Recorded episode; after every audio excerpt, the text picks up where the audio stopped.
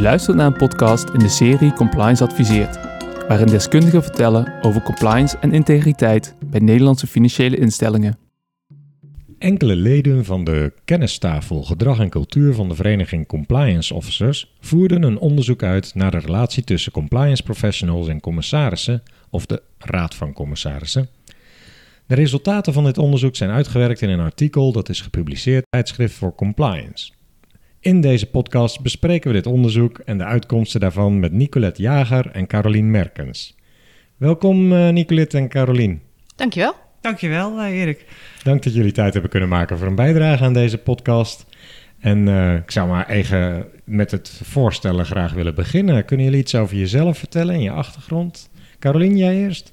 Ja, dankjewel uh, Erik. Dankjewel voor de uitnodiging. Het gaat inderdaad over ons onderzoek. En vooraf willen we eigenlijk eerst graag even vertellen dat we dit onderzoek niet uh, met z'n tweeën hebben gedaan.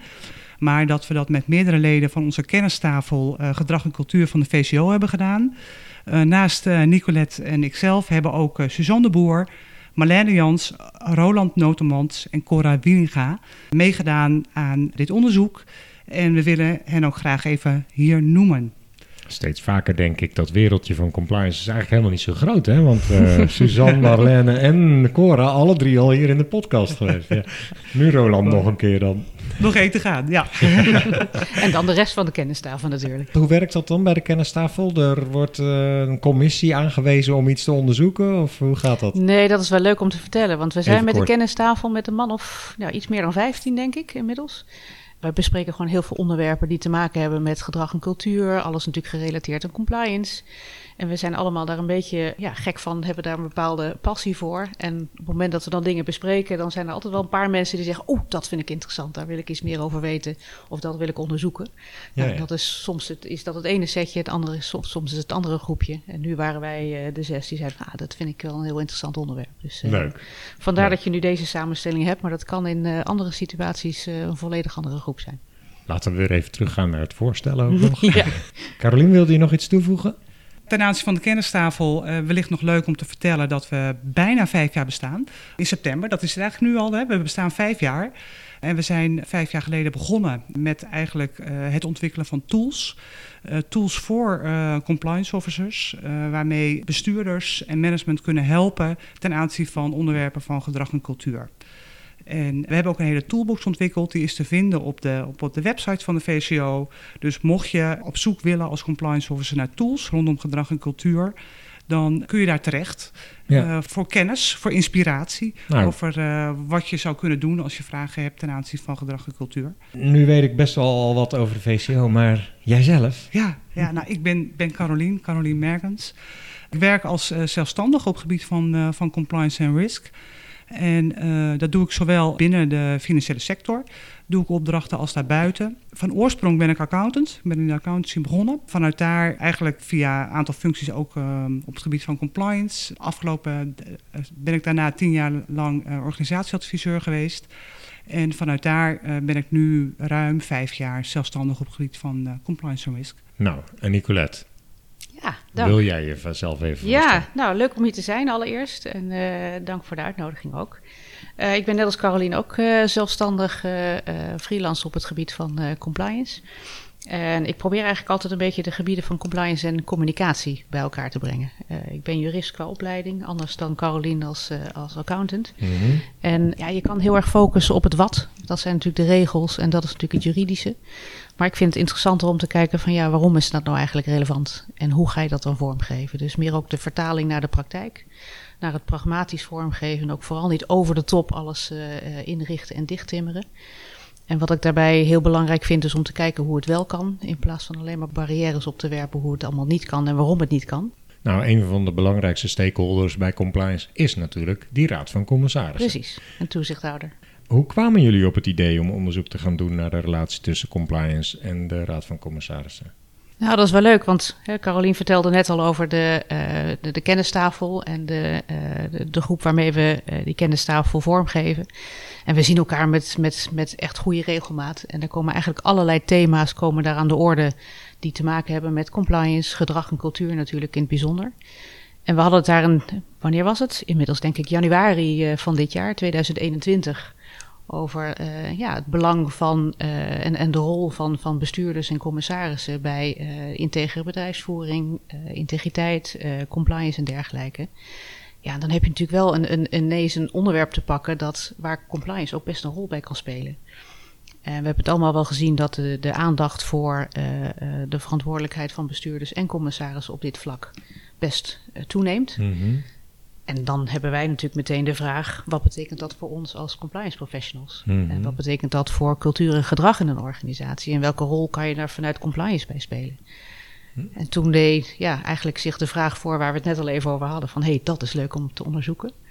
En dat zijn we dus met z'n zessen gaan doen vanuit die de kennistafel. Hoe zit eh, de relatie tussen compliance en de RVC formeel in elkaar? Kun je daar iets over vertellen, Carolien? Uh, ja, nou eigenlijk zien we een uh, verschil tussen de financiële sector en de niet-financiële sector. Als het gaat om hoe het formeel geregeld is. je ziet bij financiële instellingen dat het doorgaans verplicht is vanuit wet en regelgeving om een compliance officer aan te stellen. En daarbij hoort ook dat er al verplichte rapportagelijnen zijn naar het bestuur en de raad van commissarissen. En doorgaans ook een escalatielijn naar de Raad van Commissarissen. Voor financiële instellingen die onder toezicht staan van de ECB gaat het zelfs zo ver dat ook de Raad van Commissarissen betrokkenheid heeft bij benoeming, schorsing of ontslag van de hoogste compliance functionaris. Dat wordt opgelegd door de ECB. Dat staat inderdaad in de guidelines, de EBA Guidelines on Internal Governance, dat mm. ook daar dat de RVC een verplichting heeft bij die benoeming, schorsing of ontslag van die hoogste compliance functionaris. Mm -hmm. We hebben een artikel geschreven over ons um, onderzoek. En daar hebben we in de bijlage hebben we een overzicht uh, opgenomen zeg maar, van wat de verschillende verplichtingen zijn vanuit verschillende wetgeving. Okay. Zo kun je heel duidelijk zien van oké, okay, ik werk als compliance officer bij een bank of uh, bij een betaalinstelling. En dan kun je precies zien wat de verschillende verplichtingen zijn vanuit de wet en regelgeving. Dat is dus heel strikt eigenlijk gereguleerd voor financiële instellingen. Als je nou kijkt naar organisaties buiten een financiële instelling, dan zie je dat veel minder. Dan gelden die verplichtingen niet. Maar dan komt de Nederlandse Corporate Governance Code om de hoek kijken. Sinds uh, 2016, dat is de laatste versie van de, van de Corporate Governance Code, uh, daar worden ook de compliance risico's specifiek benoemd. Dat is eigenlijk voor de hmm. eerste keer. Maar dat is dan geen verplichting, maar een nee. zichzelf opgelegde code, begrijp ik? Uh, nou, dat is een code die verplicht is voor beursgenoteerde ondernemingen. Ja, dat wel. Ja, ja dat wel, inderdaad. En, uh, maar anderen volgen dat dan als goed voorbeeld of zo ook? Vanaf die, uh, die corporate governance code zijn ook andere codes weer afgeleid voor andere sectoren. Ja, ja. Is dat okay, wat je bedoelt, denk ik? Hè? Daar komen we zo nog op, inderdaad. Ja, okay. ja, ja. Parkeren we die nog even. ja. Als je dan kijkt naar die corporate eh, governance code, dan zie je dat uh, daar heel veel uh, bepalingen in staan over verantwoordelijkheden van het bestuur en van raad van commissarissen. En ten aanzien van het bestuur staat daar een verantwoordelijkheid. Dat zij verantwoordelijkheid hebben om een visie te ontwikkelen voor de lange termijn waardecreatie. En de strategie die daarbij hoort. Als je dan kijkt naar de strategie, dan is het bestuur verantwoordelijk om in ieder geval aandacht te besteden aan de kansen en risico's die verbonden zijn aan het realiseren van die strategie. Ja, dat is dus op basis van die Corporate Governance Code. Dat staat in ja. die Corporate Governance Code. Okay, ja. ja. Het bestuur is uh, verantwoordelijk uh, voor de risicobeheersing ten aanzien van de strategie. En de RVC die houdt daar toezicht op. De RVC houdt toezicht op de wijze waarop het bestuur de strategie voor lange termijn, voor de lange termijn waardecreatie eigenlijk uitvoert. En er vindt ook regelmatig een bespreking plaats over die strategie en de voornaamste daarmee samenhangende risico's. En dan gaat het dus ook om compliance risico's. Mm-hmm. In die code staat verder dat elke commissaris ook moet beschikken over specifieke deskundigheid, hè, die noodzakelijk is voor de vervulling van zijn of haar taak. In die code staat niet ook integriteit genoemd. Ja, zeker. Oh, okay. Integriteit en, en, en voorbeeldgedrag. Ja. Um, uh, dat, dat geldt ook zeker voor de commissaris. Mm-hmm. Maar ook echt specifieke inhoudelijke kennis. Mm-hmm. En iedere commissaris moet daarbij op hoofdlijnen ook het totale uh, beleid kunnen beoordelen. Dus ja. het gaat niet alleen maar uh, om zijn of haar specifieke deskundigheid. Als ik het me niet vergis, kunnen ze ook allemaal individueel verantwoordelijk gehouden worden voor als het misgaat. Ja, eens. Ja, oké. Okay. Nee. Oké. Okay. Ja. ja. Uh, dus dus uh, ze moeten in ieder geval op hoofdlijnen hè, dat totale beleid kunnen beoordelen. En dat betreft ook dan ook het beleid aangaande risicobeheersing. Hè. De compliance risico's moeten ze ook uh, op hoofdlijnen kunnen beoordelen. Ja, niet alleen maar of het financieel goed blijft gaan met het bedrijf, maar ook de integriteit en de risicobeheersing. Ja, ja. oké. Okay. Mm -hmm. Ja, dit is een, een, een, bepaling die natuurlijk voortkomt uit de Corporate Governance Code. Maar er zijn meerdere gedragscodes en meer codes waar dit in staat. En eigenlijk is het dus een thema dat veel breder relevant is dan alleen vanuit die Corporate Governance Code. Die al voor heel veel ondernemingen geldt hoor, dus begrijp me niet verkeerd. Uh, maar het is ook een, hè, het belang van deskundige en integere bestuurders en de beheersing van de niet-financiële risico's. Wordt ook uh, genoemd in of komt ook terug in andere gedragscodes, zoals bijvoorbeeld voor verzekeraars, de code verzekeraars, voor het onderwijs, code goed onderwijsbestuur, uh, de governance code woningcorporaties en voor de zorg in de zorgbrede governance code. Dus het is veel breder dan alleen de Nederlandse governance code aan zich. Ja. En dat is wel belangrijk dat het dus een breed thema is dat, dat belangrijk is. Ja. En uh, je ziet dat het eigenlijk voortkomt uit een, een, een, een, brede verantwoordelijkheid die je als commissaris of als bestuurder uh, ook hebt. Hè. Uh, dus zowel civielrechtelijk, je moet een goed bestuurder zijn, maar steeds meer ook strafrechtelijk, omdat het Openbaar Ministerie daar ook op meekijkt. En dan gaat het in eerste instantie, het Openbaar Ministerie, maar ook de Corporate Governance Code verwacht ook dat mensen daar een actieve handeling in nemen. Op het moment dat ze zien dat er iets niet helemaal gaat zoals het zou moeten gaan. Maar niet alleen het actieve, ook het nalaten van het ingrijpen als dat het geval is, is ook al een punt van aandacht. Ja. En dat is zowel civielrechtelijk als ook voor toezichthouders. Die kunnen daar uh, bestuurders en toezichthouders of, of commissaris op aanspreken. En dus ook strafrechtelijk is dan een uh, punt. Dus het is niet alleen het feitelijk leiding geven actief. Maar het is ook het passieve stuk met het niet ingrijpen of het in stand houden van dingen die niet, uh, die niet geoorloofd zijn. Mm -hmm. Dus eigenlijk is het voor bestuurders en commissarissen een, een hele belangrijke ontwikkeling die re recent ja, meer aandacht krijgt wanneer zij het risico lopen dat ze individueel worden aangesproken, hè, die, die, die hoofdelijke aansprakelijkheid ook, op het niet voorkomen of oplossen van, van, van uh, niet-financiële vraagstukken, ja, dan is het heel belangrijk dat zij kennis hebben en zich ook, ook goed laten informeren en inzicht hebben uh, om die risico's te kunnen beoordelen. Dit was zeg maar zoals het in de theorie zou moeten. En wat zien jullie nou in de praktijk? En wat we in de praktijk zien en wat ook uit ons onderzoek komt, is dat we eigenlijk twee varianten zien. De ene variant is dat de Raad van Commissarissen toezicht houdt op de uitvoering van, de strategie en de risicobeheersing door de Raad van Bestuur. Die eerste variant zie je dus een Raad van Bestuur, die heeft directe uh, relatie met de compliance-functie. En de tweede variant is eigenlijk dat er een relatie is tussen de Raad van Commissarissen en compliance professional rechtstreeks. En dat die ook concreet is uitgewerkt. En dat er ook een, een rechtstreekse rapportageverplichting is van, die, van compliance, van die compliance-functie aan de Raad van Commissarissen. En dat er ook op regelmatige uh, basis contact is tussen de compliance professional en de Raad van Commissarissen. En uh, Nicolette, wat is het belang van die uh, relatie dan precies? Nou, waar we het net al over hadden, hè, met de rol die bestuurders en commissarissen. En we hebben ons natuurlijk gericht op commissarissen in het onderzoek dat we hebben gedaan. Hun verantwoordelijkheid voor het beheersen van risico's die voortvloeien uit, uh, uit strategie, uh, die te maken hebben met uh, integriteit, compliance, gedrag en cultuur, is natuurlijk heel belangrijk om te zorgen dat de relatie tussen commissarissen, maar toch ook bestuurders en compliance professionals, dat die er is. Commissarissen moeten beschikken over voldoende kennis, voldoende inzicht om hun rol te kunnen vervullen, om toezicht te kunnen houden op de verantwoordelijkheden van het bestuur, om de risico's te kunnen inschatten, uh, om daar een oordeel over te kunnen vellen. Ja, dan is het wel heel belangrijk dat ze ook inzicht hebben in die vraagstukken die zich daarbij voordoen en voldoende geïnformeerd worden over dat soort vraagstukken en signalen daarbij. Is dat deskundigheid in het algemeen over compliance en risico's? Of is dat deskundigheid en kennis over wat er werkelijk in het bedrijf gebeurt? Wat compliance uh, beide, kan absoluut vertellen? beide. Oh, absoluut beide. Want ja. het is heel belangrijk om vanuit die eerste stap die jij al noemt, het kunnen inschatten waar zitten de risico's en waar hebben we het over als we het hebben over compliance en over integriteit. Om vervolgens die stap naar de organisatie te kunnen maken. Ja. Wat doet zich daar dan voor en wat vind ik daarvan? Ja. En hoe hou ik daar toezicht op? Dus als je dat eerste stuk niet hebt, dan kan je die tweede stap misschien moeilijk maken. Dus Ja. ze zijn allebei belangrijk. Maar als die deskundigheid al een eis is, dan is die deskundigheid al aanwezig. Daar heb je compliance dan toch niet meer voor nodig? Of, uh... Maar die deskundigheid moet wel gevoed worden. En je moet ook wel weten, denk ik, als commissaris, welke deskundigheid je moet hebben. Welke vragen je moet stellen. Uh, Ja. welke dingen kritisch kunnen zijn. Dus compliance fluistert dat hen in? Of... Daar hebben we onderzoek naar gedaan. Ah, da- nou, laten we het eens over dat onderzoek hebben, inderdaad. Want we hebben het al zijdelings steeds besproken. Wat waren jullie belangrijkste onderzoeksvragen? Laten we daar eens mee beginnen. We hebben inderdaad een aantal onderzoeksvragen geformuleerd, maar we hebben eigenlijk eerst een aantal uitgangspunten geformuleerd. En dat zijn er twee. En de uitgangspunten die we hebben geformuleerd zijn als eerste dat de leden van de Raad van Commissaris dat die voldoende geïnformeerd behoren te worden over de relevante risico's en de ontwikkelingen. We hebben een uitgangspunt dat wij vinden dat, dat, dat, dat zij voldoende geïnformeerd moeten worden. Dat is een soort stelling die je zou willen gaan toetsen dan met je ja. onderzoek. Oké. ja, dat is een uitgangspunt. Mhm. En als tweede dat de leden van de Raad van Commissarissen over voldoende specifieke kennis en inzicht beschikken om ook die gesignaleerde risico's te begrijpen. Dus eigenlijk waar, waar je net al een beetje op doorvroeg bij Nicolette, dat, mhm. waren, dat zijn eigenlijk de uitgangspunten van ons onderzoek uh, geweest. Mhm.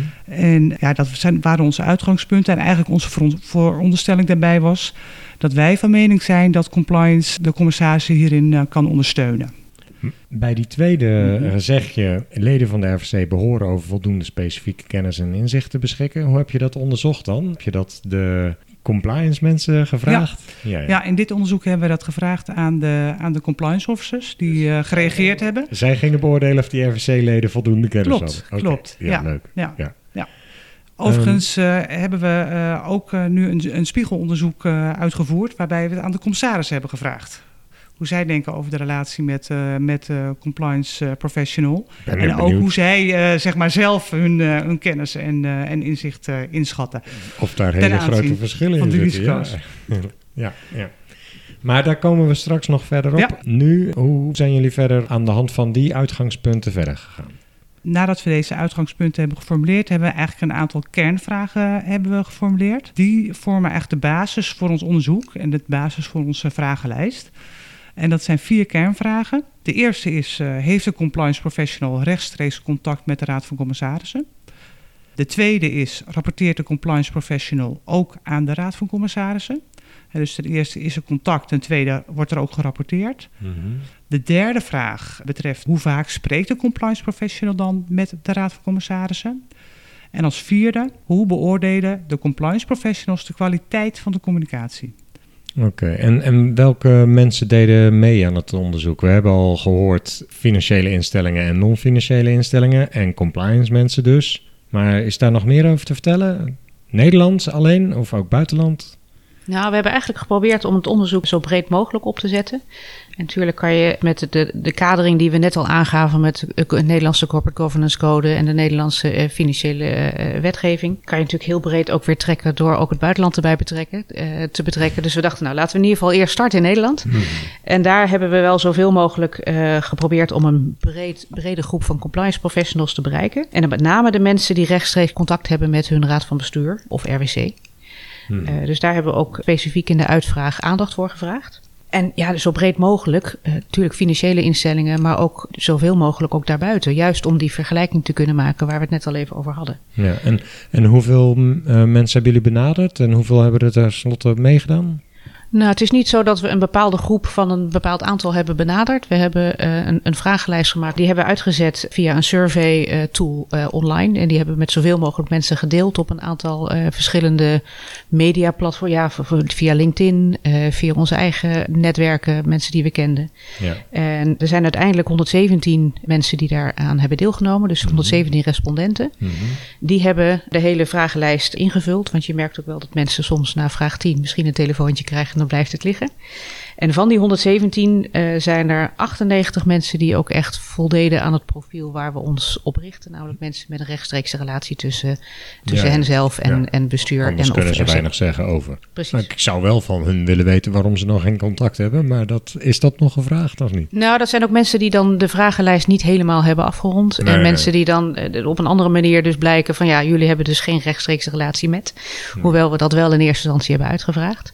Maar met de 98 mensen, dus bijna 100 mensen met wie we zijn overgebleven, hebben we uh, de respons uh, kunnen vormgeven. En dat is mhm. ongeveer 50-50 verdeeld over financiële sector en niet-financiële sector. En als laatste vraag over het onderzoek wat mij betreft, eh, over de opzet zeg maar. Wanneer, heeft, wanneer is dat onderzoek uitgevoerd? Wij zijn begonnen met het uh, uh, opzetten van de vragenlijst in januari van dit jaar, 2021. We hebben de vragenlijst uh, voorgelegd en doen uitgaan online in februari. En hij heeft een week of vier heeft hij online is hij, open geweest mm -hmm. voor mensen om respons te geven. Een week mm -hmm. of drie, vier. Oké. Okay. Nou, Wat zijn de belangrijkste bevindingen uit het onderzoek? Want daar zitten we natuurlijk op te wachten. Nou, ik denk dat we als algemene inleiding kunnen zeggen dat we, dat we echt heel positief verrast waren over onze onderzoeksresultaten. Want compliance is al veel meer ingeburgerd aan de tafel van bestuurders en commissarissen dan wij eigenlijk vooraf hadden gedacht. Oké. Waar, waar bleek dat uit dan? Nou, dat bleek uh, uit de antwoorden. Goh. ja, ja.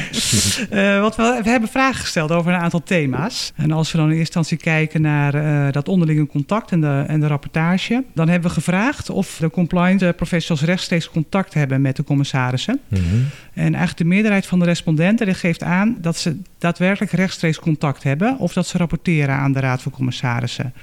En je ziet daar dat binnen de financiële sector dat dit percentage wel een stuk hoger is dan binnen de niet-financiële sector. Dat komt natuurlijk ook doordat de financiële sector meer gereguleerd is. Maar ook buiten de financiële sector geeft 56% aan dat ze rechtstreeks contact hebben met commissarissen. En dat contact is dan vaak vastgelegd in een charter. En, in de financiële sector hebben we het nog steeds over. Uh, dat is voornamelijk oh, in de financiële sector. Ja, oh, voornamelijk, voornamelijk. Ja. ja, voornamelijk. Ja. Mm -hmm. Als dit niet het geval is, dan is daar wel behoefte aan, uh, geven, de, geven de respondenten aan. Hm. En buiten die financiële sector is dat veel minder vastgelegd in een charter. Maar de respondenten geven wel aan dat er behoefte is aan een meer gestructureerde aanpak. Hm. Uh, met betrekking tot de relatie met de commissarissen. Je zou dan toch bijna al denken dat regulering best wel uh, zinvol is. Um, het leidt tot meer contact dan zonder regulering. Nou, de, de respondenten geven aan dat ze meer behoefte hebben aan een gestructureerde aanpak en dat een charter daar dus bij helpt. De regulering in de financiële sector gaat natuurlijk verder, verder dan dat, maar gewoon het vastleggen van de verantwoordelijkheden mm -hmm. en het vastleggen van rapportagelijnen. Dat is iets waarvan respondenten buiten de financiële sector zeggen van ja, dat, dat zou voor ons ook wel prettig zijn als mm -hmm. we dat in ieder geval vast hebben gelegd. Ja. Is er ook gevraagd waarom die compliance officer dat initiatief gewoon niet zelf al genomen heeft? Nou, nou ja. uh, dat zijn vervolgvragen eigenlijk. Ja, He, want dit zijn vragen die komen, die komen uit, uit een vragenlijst. En we hebben ook wel wat ruimte gelaten om wat tekst in te vullen. Wat open tekstboxes. Mm -hmm. Maar ja, je kunt niet doorvragen in een vragenlijst. Nee, ik begrijp dat, het. dat zijn natuurlijk hele leuke uh, vragen die je uh, zou willen stellen. Maar daarvoor moeten we natuurlijk iets organiseren dat compliance officers bij elkaar komen. Wellicht wel samen met, met commissarissen. Ja. Dat is ook wel weer mooi dat het met het vormgeven van die vragenlijst, dat we juist ook heel veel vragen hadden. Waardoor op het moment dat je die vragenlijst dan hebt vormgegeven in die online tool, dat je, je denkt van ja, dan doet iemand er een half uur over om die vragenlijst te beantwoorden. en dat nodigt ook niet uit. Dus we hebben nee. ook wat dat betreft best moeten schrappen. Van ja, welke vragen vinden we nou echt zo relevant dat we die echt in ons onderzoek willen stellen? Ja. En dat je ook weer niet mensen vraagt om een half uur of misschien wel langer de ja. tijd te nemen om die ja, vragenlijst. Want dan haken er heel veel mensen af. Je moet het houden bij de kern, dat begrijp ik. Precies, dus dat was ook echt wel schipper. Dat was heel leuk om dat van tevoren, want we hadden zoveel vragen. Ja, dan ben je met z'n zessen ben je heel enthousiast bezig, maar dan ben je ook weer een beetje te enthousiast misschien. Mm -hmm.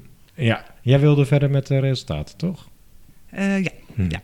Even kijken, want we hadden het dus over dat contact, over de charter. Dat, dat, dat, dat wordt dus in ieder geval door respondenten buiten de financiële sector ook wel aangegeven als dat, dat is iets wat voor ons ook uh, prettig zou kunnen zijn. Als we dan kijken, dan zijn er ook respondenten die geen rechtstreeks contact hebben met de Raad van Commissarissen. Maar daarvan geeft dan een ruime meerderheid, uh, bijna 70% aan, dat ze dit wel wenselijk vinden. In ieder geval als er sprake is van incidenten.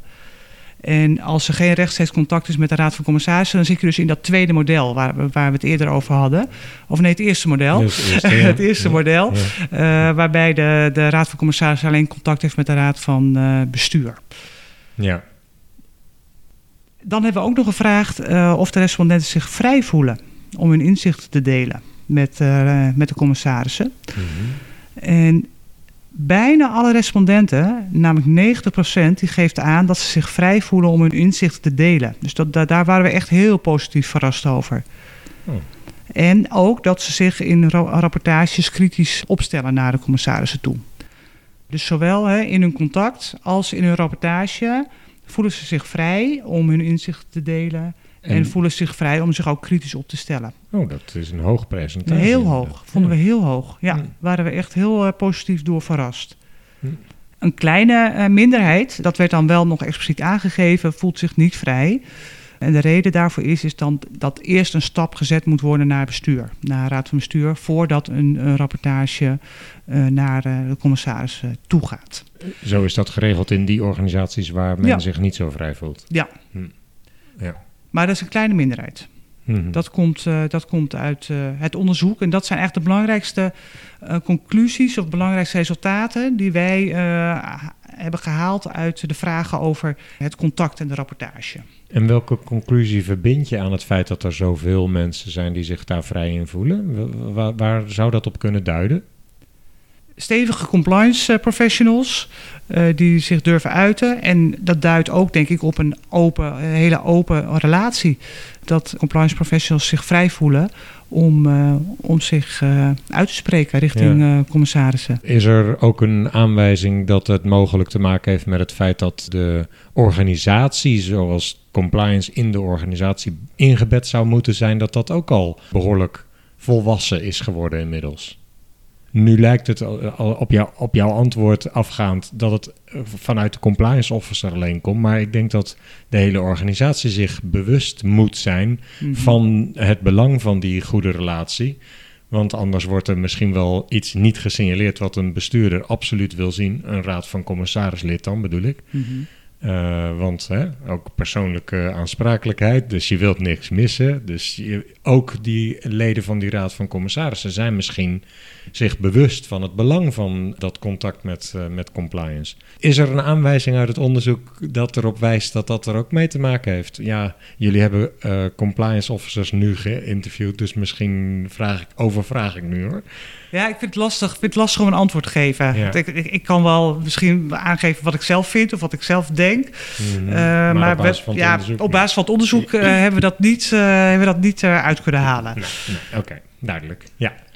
En eh Nicolette, hoe vaak hebben de compliance eh, officers dan, ja, ik zeg compliance officers, maar degene die de compliance rol vervult, dan contact met de Raad van Commissarissen volgens jou, Nicolette, eh, uit het onderzoek? Ja, dat hebben we inderdaad gevraagd. Ehm, en eh, meer dan de helft van de respondenten heeft vaker dan twee keer per jaar regulier contact met, met commissarissen.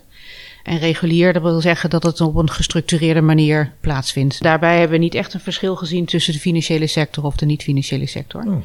Waarbij we wel eh, hebben gezien dat in de niet-financiële sector dat eh, overleg vaker plaatsvindt zonder eh, bijzijn van het, van het bestuur. Dan in, In de fina- niet-financiële Ja. sector? Oh. hmm. En wat daar de achterliggende reden voor is, dat, daar hebben we dus niet op doorgevraagd. Dus dat, dat, dat, ja, dat, dat weet ik zo niet. Hm. Maar het is wel interessant om te kijken van ja, wat, wat, wat kunnen we van elkaar leren van hè, de ene sector van de ander. Een ander opvallend ding is, is qua hoe vaak men elkaar spreekt, is dat er uit het onderzoek bleek dat er in bijna 20%, 17% van de gevallen helemaal geen regulier contact is. Hm. Eh, en daarbij hebben we niet een onderscheid tussen eh, financieel en niet-financieel. Eh Oké. Tuurlijk, bij de financiële sector is dat natuurlijk eh, gereguleerd. Hm.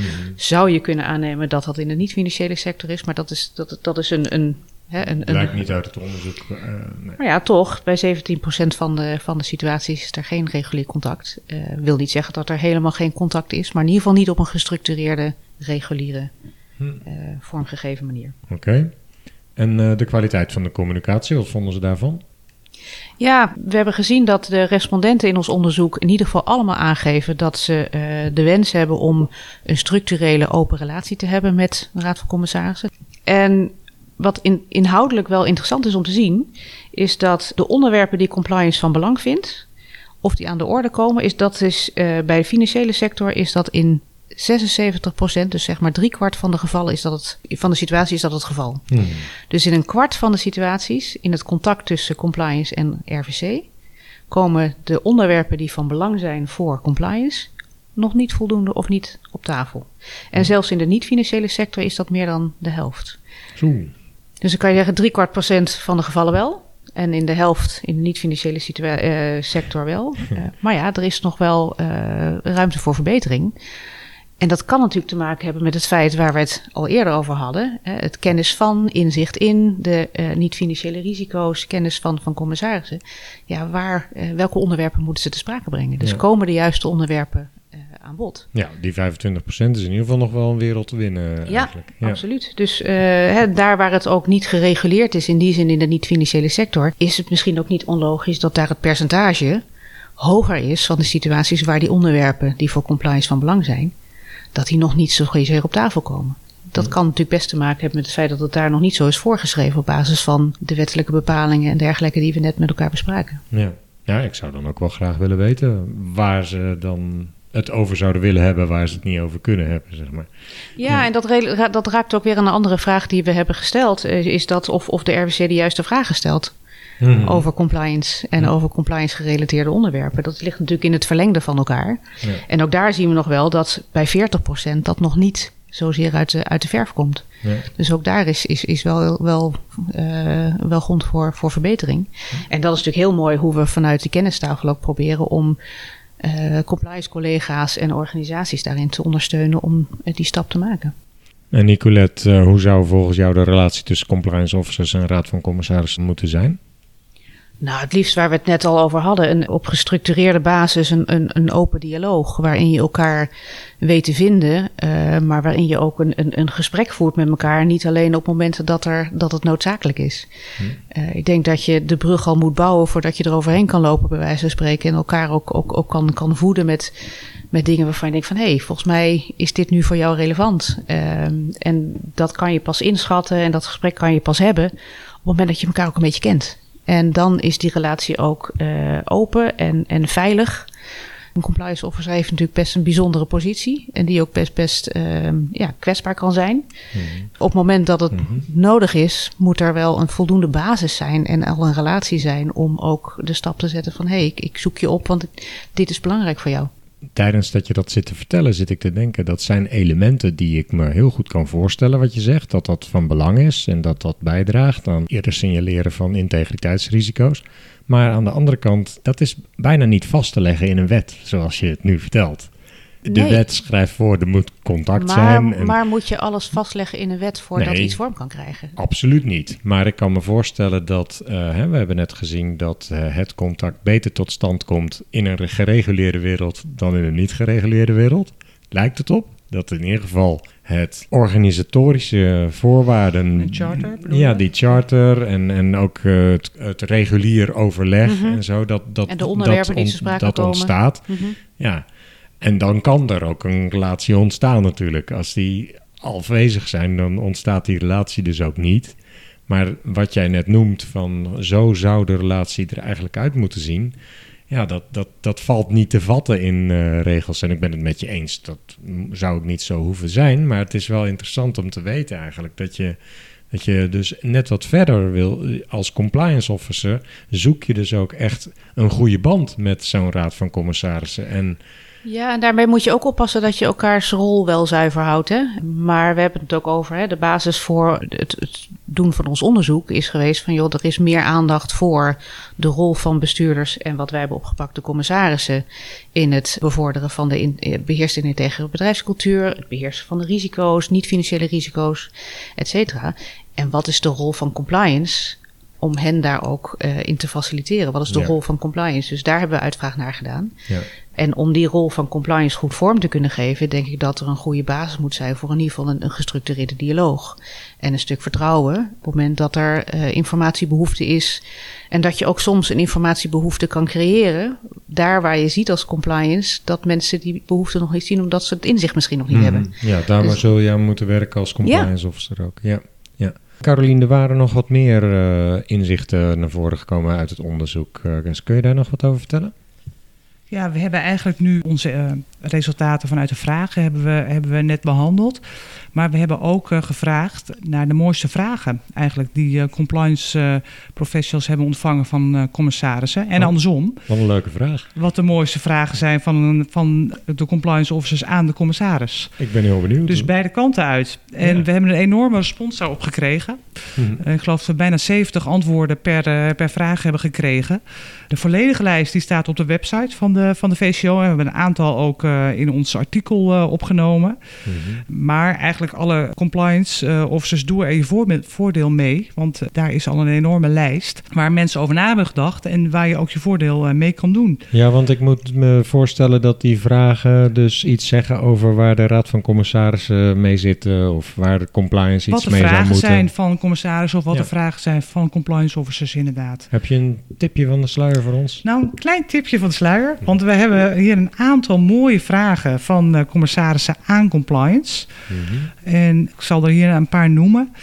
Er is bijvoorbeeld wel eens gevraagd van heb je in eerlijkheid kunnen rapporteren? Welke kritische vraag moet ik aan de directie stellen? Andere vraag van een commissaris aan, uh, aan een compliance officer. Goeie vraag van zo'n commissaris, denk ik. Ja, en de vraag is ook van hoe beantwoord je die vraag dan ook? Hè? Mm -hmm, ja, het, het, zou ook kunnen duiden op volslagen onbenulligheid. Of wat is je grootste teleurstelling? Dat is ook een vraag die is aangegeven als van dat, dat vonden wij een van de mooiste vragen. En over de centen weten we het wel, maar hoe is het met de integriteit van de organisatie en het bestuur? Mm. Met andere woorden, van het gaat zoveel over de financiën, mm. maar hoe zit het nou eigenlijk met de integriteit? Nou, ik denk dat dat in veel boardrooms het geval is. Uh, ja. Nou, en als het dan over integriteit gaat, kijk, uiteindelijk mondt het ook weer natuurlijk wel weer uit in, in, in die financiële cijfers. Dus het is heel interessant om het juist ook over gedrag en cultuur te hebben Absoluut. en over die integriteit de laatste vraag, hè, dus over de centen. Uh, over de centen weten we het wel. Hè, dus de, de, dat is de, de, vraag, eh, de laatste vraag uh, die we vandaag weggeven. Dat is eigenlijk ook de titel geworden van ons artikel. Mm -hmm. Daarin kun je ook alle resultaten van ons onderzoek nog eens een keertje nalezen. Ja. We werden er wel op gewezen dat um, ja, het gaat heel vaak over de centen in de boardroom. En het mag ook best wel eens aandacht besteed worden aan integriteit. Maar we werden erop gewezen dat, dat het juist bijvoorbeeld in het MKB... dat het niet altijd uh, voor de hand ligt. Hmm. Uh, om ook nog eens een keer aandacht te besteden aan integriteit... of ook nog eens een keer aandacht te besteden aan compliance. Waarom niet? Daar is dan een beetje het gevoel van... oh, moet dat ook nog? Moet oh. dat, ja, ik, nou ja, ik zou denken dat het daar ook best past. Dat denk ik zeker. Maar we zouden natuurlijk als compliance officer, als commissaris... kunnen we juist ook in het MKB uh, compliance uh, is zeker van belang ook daar. En, dat, en we kunnen het daar ook veel beter koppelen aan het verdienmodel. Dus dat je veel meer naar de risico's gaat kijken. Ja, ja. En dat je compliance direct koppelt ook aan je verdienmodel. Waardoor je het op die manier uh, mee kunt nemen. Een van die dingen die compliance officers in die sectoren misschien ook weer kunnen oppikken. En de raden van commissarissen natuurlijk ook van de financiële sector waar dat al langer speelt zo. Ja. En, en andersom, wat zijn de mooiste vragen van compliance aan de commissaris? Nicolette, wil jij daar wat over vertellen? Ja, zeker. Daar, ja, daar hebben we ook wel mooie reacties op gekregen. En uh, in lijn met uh, waar we het net over hadden met, hè, met de MKB en, en, en überhaupt voor, voor alle organisaties. Wat kan de rol voor, van integriteit zijn voor de missie en visie van de organisatie? En dat geldt natuurlijk voor groot en klein, financieel, niet-financiële sector en eigenlijk voor alle sectoren dat de rol van integriteit voor de strategie, de lange termijn waardecreatie, waar we het eerder al over hadden, dat die natuurlijk wel heel in onze ogen, vanuit onze uh, de, de vakbetrokkenheid uh, evident is. Ja. Maar dat is ook een van de vragen in ieder geval die, ehm, die compliance aan commissaris stelt. Wat is de rol van integriteit in de missie en visie? Ik vind dat een hele mooie vraag. Ja. Uh, een andere vraag die we hebben gekregen is: wat zouden jullie als minimumstandard willen hanteren voor de cultuur en gedrag van de medewerkers? Die is natuurlijk al veel lastiger te duiden. Hm. Uh, ja. Maar wel een hele mooie die aandacht vraagt voor het belang van cultuur en gedrag ja. binnen een organisatie. Dus niet alleen de cijfers en de centen inderdaad, maar ook de minder meetbare elementen die zijn, daarmee te maken hebben. Zijn jullie nou ook zo nieuwsgierig welke antwoord uh, die komt? Ik zou daar heel nieuwsgierig naar zijn, maar dat hebben we helaas niet. Helaas, nee. nee. En een andere is, hoe komt u tot een inschatting van de integriteitsrisico's? Hoe laat u zich daarover informeren? En dat is natuurlijk een hele wezenlijke, waar we ook de rol voor uh, compliance zien. Ja. Uh, waar we het nu natuurlijk in, in, dit hele artikel over hebben. Ja. Um, waar het onderzoek op, op is gericht. Maakt niet uit wat die commissaris daarop als antwoord gaf. Die compliance officer zegt meteen uh, bij mij. Ja, precies. precies. Ja. En wat is de behoefte van de RWC ten aanzien van compliance? Ja, dat en lijkt me een hele belangrijke. Dat is een hele belangrijke, maar ook tegelijkertijd wel een lastige. Uh, want ja, eerst moet een RWC natuurlijk wel een beeld hebben van de risico's die daarmee samenhangen. Ja, en van dus het die vakgebied. Vraag kan je misschien ook wel weer terugkrijgen. Ja, precies, ja. precies. En dat is juist ook wel heel mooi. En uh, ja, die moet daar, daar ligt dus duidelijk ook weer de rol van compliance in, in, in, in, opgesloten. Ja. Om daar de informatieverstrekking over ook vorm te geven, richting en daar een stap in te zetten en proactief in te zijn. Je zou dit en dat belangrijk moeten vinden in jouw positie als commissaris. Ja. ja. Mhm. Zijn er nog bepaalde aanbevelingen uit het onderzoek naar voren gekomen uh, voor onze luisteraars die er uh, hun voordeel mee kunnen doen? Jazeker. In ons artikel noemen we ook een aantal uh, aanbevelingen, specifiek voor de compliance officer. Wat is de behoefte van de RVC ten aanzien van compliance? Die kun je ook omdraaien voor een compliance officer. Hè. Onderzoek welke compliance thema's relevant zijn voor de, voor de Raad van Commissarissen. Ga in gesprek en wat, wat vinden zij nu daadwerkelijk relevant? En train jezelf ook als compliance officer in het gesprek met de Raad van Commissarissen. Hoe, hoe doe je dat? Doen en oefenen en eh, feedback, feedback vragen. Als compliance officer ben je natuurlijk in gesprek met heel veel verschillende stakeholders. En ook commissarissen zijn een van je stakeholders. Dus train jezelf daarin en ga het gesprek aan. Mhm. We zien in de, in de resultaten zien we verschillen in de uitkomsten tussen financiële sector en niet-financiële sector beide sectoren kunnen denk ik van elkaar leren. Enerzijds de financiële sector is meer gereguleerd. Maar we zien ook in de niet-financiële sector dat het gesprek tussen compliance en commissaris is daar meer ingeburgerd dan binnen de financiële sector. Misschien juist omdat het wat informeler is, dat, het, dat je wat makkelijker met elkaar praat. Ja, ja. Hmm. ja het zou zomaar kunnen. Hmm. Ja, dat weten we dan ook nog niet uit het onderzoek. Ja. Nog een laatste aanbeveling is dat compliance officers kunnen ook de Raad van Commissarissen ondersteunen in, om hun voorbeeldrol eigenlijk beter in te vullen. Welk advies hebben jullie voor een compliance officer die zich in een situatie bevindt waar hij zij van mening is dat zijn stem of haar stem onvoldoende gehoord wordt door het bestuur? Hmm. Ja, dat is best een hele lastige situatie natuurlijk. En ik denk dat het heel belangrijk is om je heel goed te verdiepen in de positie van de ander. Ehm, en dat is niet alleen bij het bestuur zo of bij een raad van commissarissen, maar dat is natuurlijk eigenlijk met al je stakeholders zo. We zijn vaak gewend om vanuit compliance het belang van compliance uh, heel erg uit te dragen. Uh, waarbij je natuurlijk ook wel merkt dat andere mensen dat misschien minder belangrijk vinden dan wij zelf. Dus wat is de uh, informatiebehoefte, wat is de, de, de, de, de zienswijze en de invalshoek van de ander? En ik denk dat het belangrijk is om je daarin te verdiepen. Hm? En te kijken van, joh, welke thema's en vraagstukken zijn nu eigenlijk voor jou relevant? En waarom is het voor jou relevant? Het is voor mij wel belangrijk, hm. maar dat kan ik wel vinden, maar het is voor jou ook belangrijk in jouw rol als bestuurder, uh, als toezichthouder of als commissaris. En ik denk dat het heel belangrijk is om die relevantie ook vanuit die kant uh, te belichten. Belangrijk is ook uh, een hele basishygiëne, zou ik haast willen zeggen, dat je in een charter ook die uh, verantwoordelijkheid en die, uh, die relevantie vastlegt. Een ander punt is dat de RVC, en dat staat al in die EBA guidelines die Caroline al even noemde eerder in, in, in deze podcast, uh, dat de RVC betrokken is bij de benoeming, een ontslag en uh, de bevordering van, van beoordeling van, van de compliance professional, of in ieder geval de hoogste compliance uh, functionaris in een organisatie. Ja, dat is natuurlijk een noodrem waar je aan kan trekken. Hmm. en dat wil je niet. Hmm. maar ik denk dat het eerste belangrijk is om te zorgen dat je het belang daarvan kan overbrengen. Nou ja, ik, kan me namelijk ook voorstellen dat ehm, een stap richting de Raad van Commissarissen ook wel als een hele grote stap gevoeld kan worden, omdat je misschien de Raad van Bestuur passeert? Uh, of... Klopt, maar ik denk dat die uh, relatie en die stakeholders, stakeholder management, zowel met de Raad van Commissarissen, want daar hebben we het natuurlijk nu over en daar hebben we het mhm. over vanwege ons onderzoek, mm -hmm. maar met het bestuur is die minstens zo belangrijk. Ja. Dus je wil ook zorgen dat je de dingen daar al besproken hebt voordat je die stap naar de RWC moet maken. En natuurlijk, die kan in situaties nodig zijn. En dan is het des te belangrijker dat die relatie er al is en dat mhm. je een gestructureerde vertrouwensbasis hebt waarmee je elkaar ook kan benaderen. Ja, maar, maar die moeten net zo goed, maar die moeten net zo goed zijn met het bestuur, zodat je die dingen daar ook al, al te sprake kan brengen. Ja, precies. In een veel vroeger stadium. Hm. Mhm. En verdere aanbevelingen voor commissarissen misschien? Nou, als uh, aanbeveling voor commissarissen hebben we eigenlijk de volgende. In eerste instantie is het denk ik is het naar ons idee goed als je een beeld hebt van die niet-financiële risico's. En we praten over integriteit, we praten over niet-financiële risico's, maar wat verstaan we nou onder fraude? Wat verstaan we onder corruptie, witwassen, eh, belangenverstrengeling? Wat is dat? En, en hoe kunnen deze risico's zich voordoen in de organisatie waar ik toezicht uh, op moet houden? Ja. En naast de, de compliance functies zijn er natuurlijk nog meer uh, tweedelijnsfuncties. Uh, dus ons advies is eigenlijk van ga eigenlijk een partnership aan met die non-financiële risico-mitigerende functies. Hele mond vol. Mhm. Maar zorg dat je als commissaris in gesprek bent en dat er geen drempel is, eigenlijk dat is al een paar keer ook te sprake gekomen, om jou als commissaris te informeren. Ja. Er moet ook voldoende uh, synergie en afstemming zijn tussen al die verschillende onderwerpen.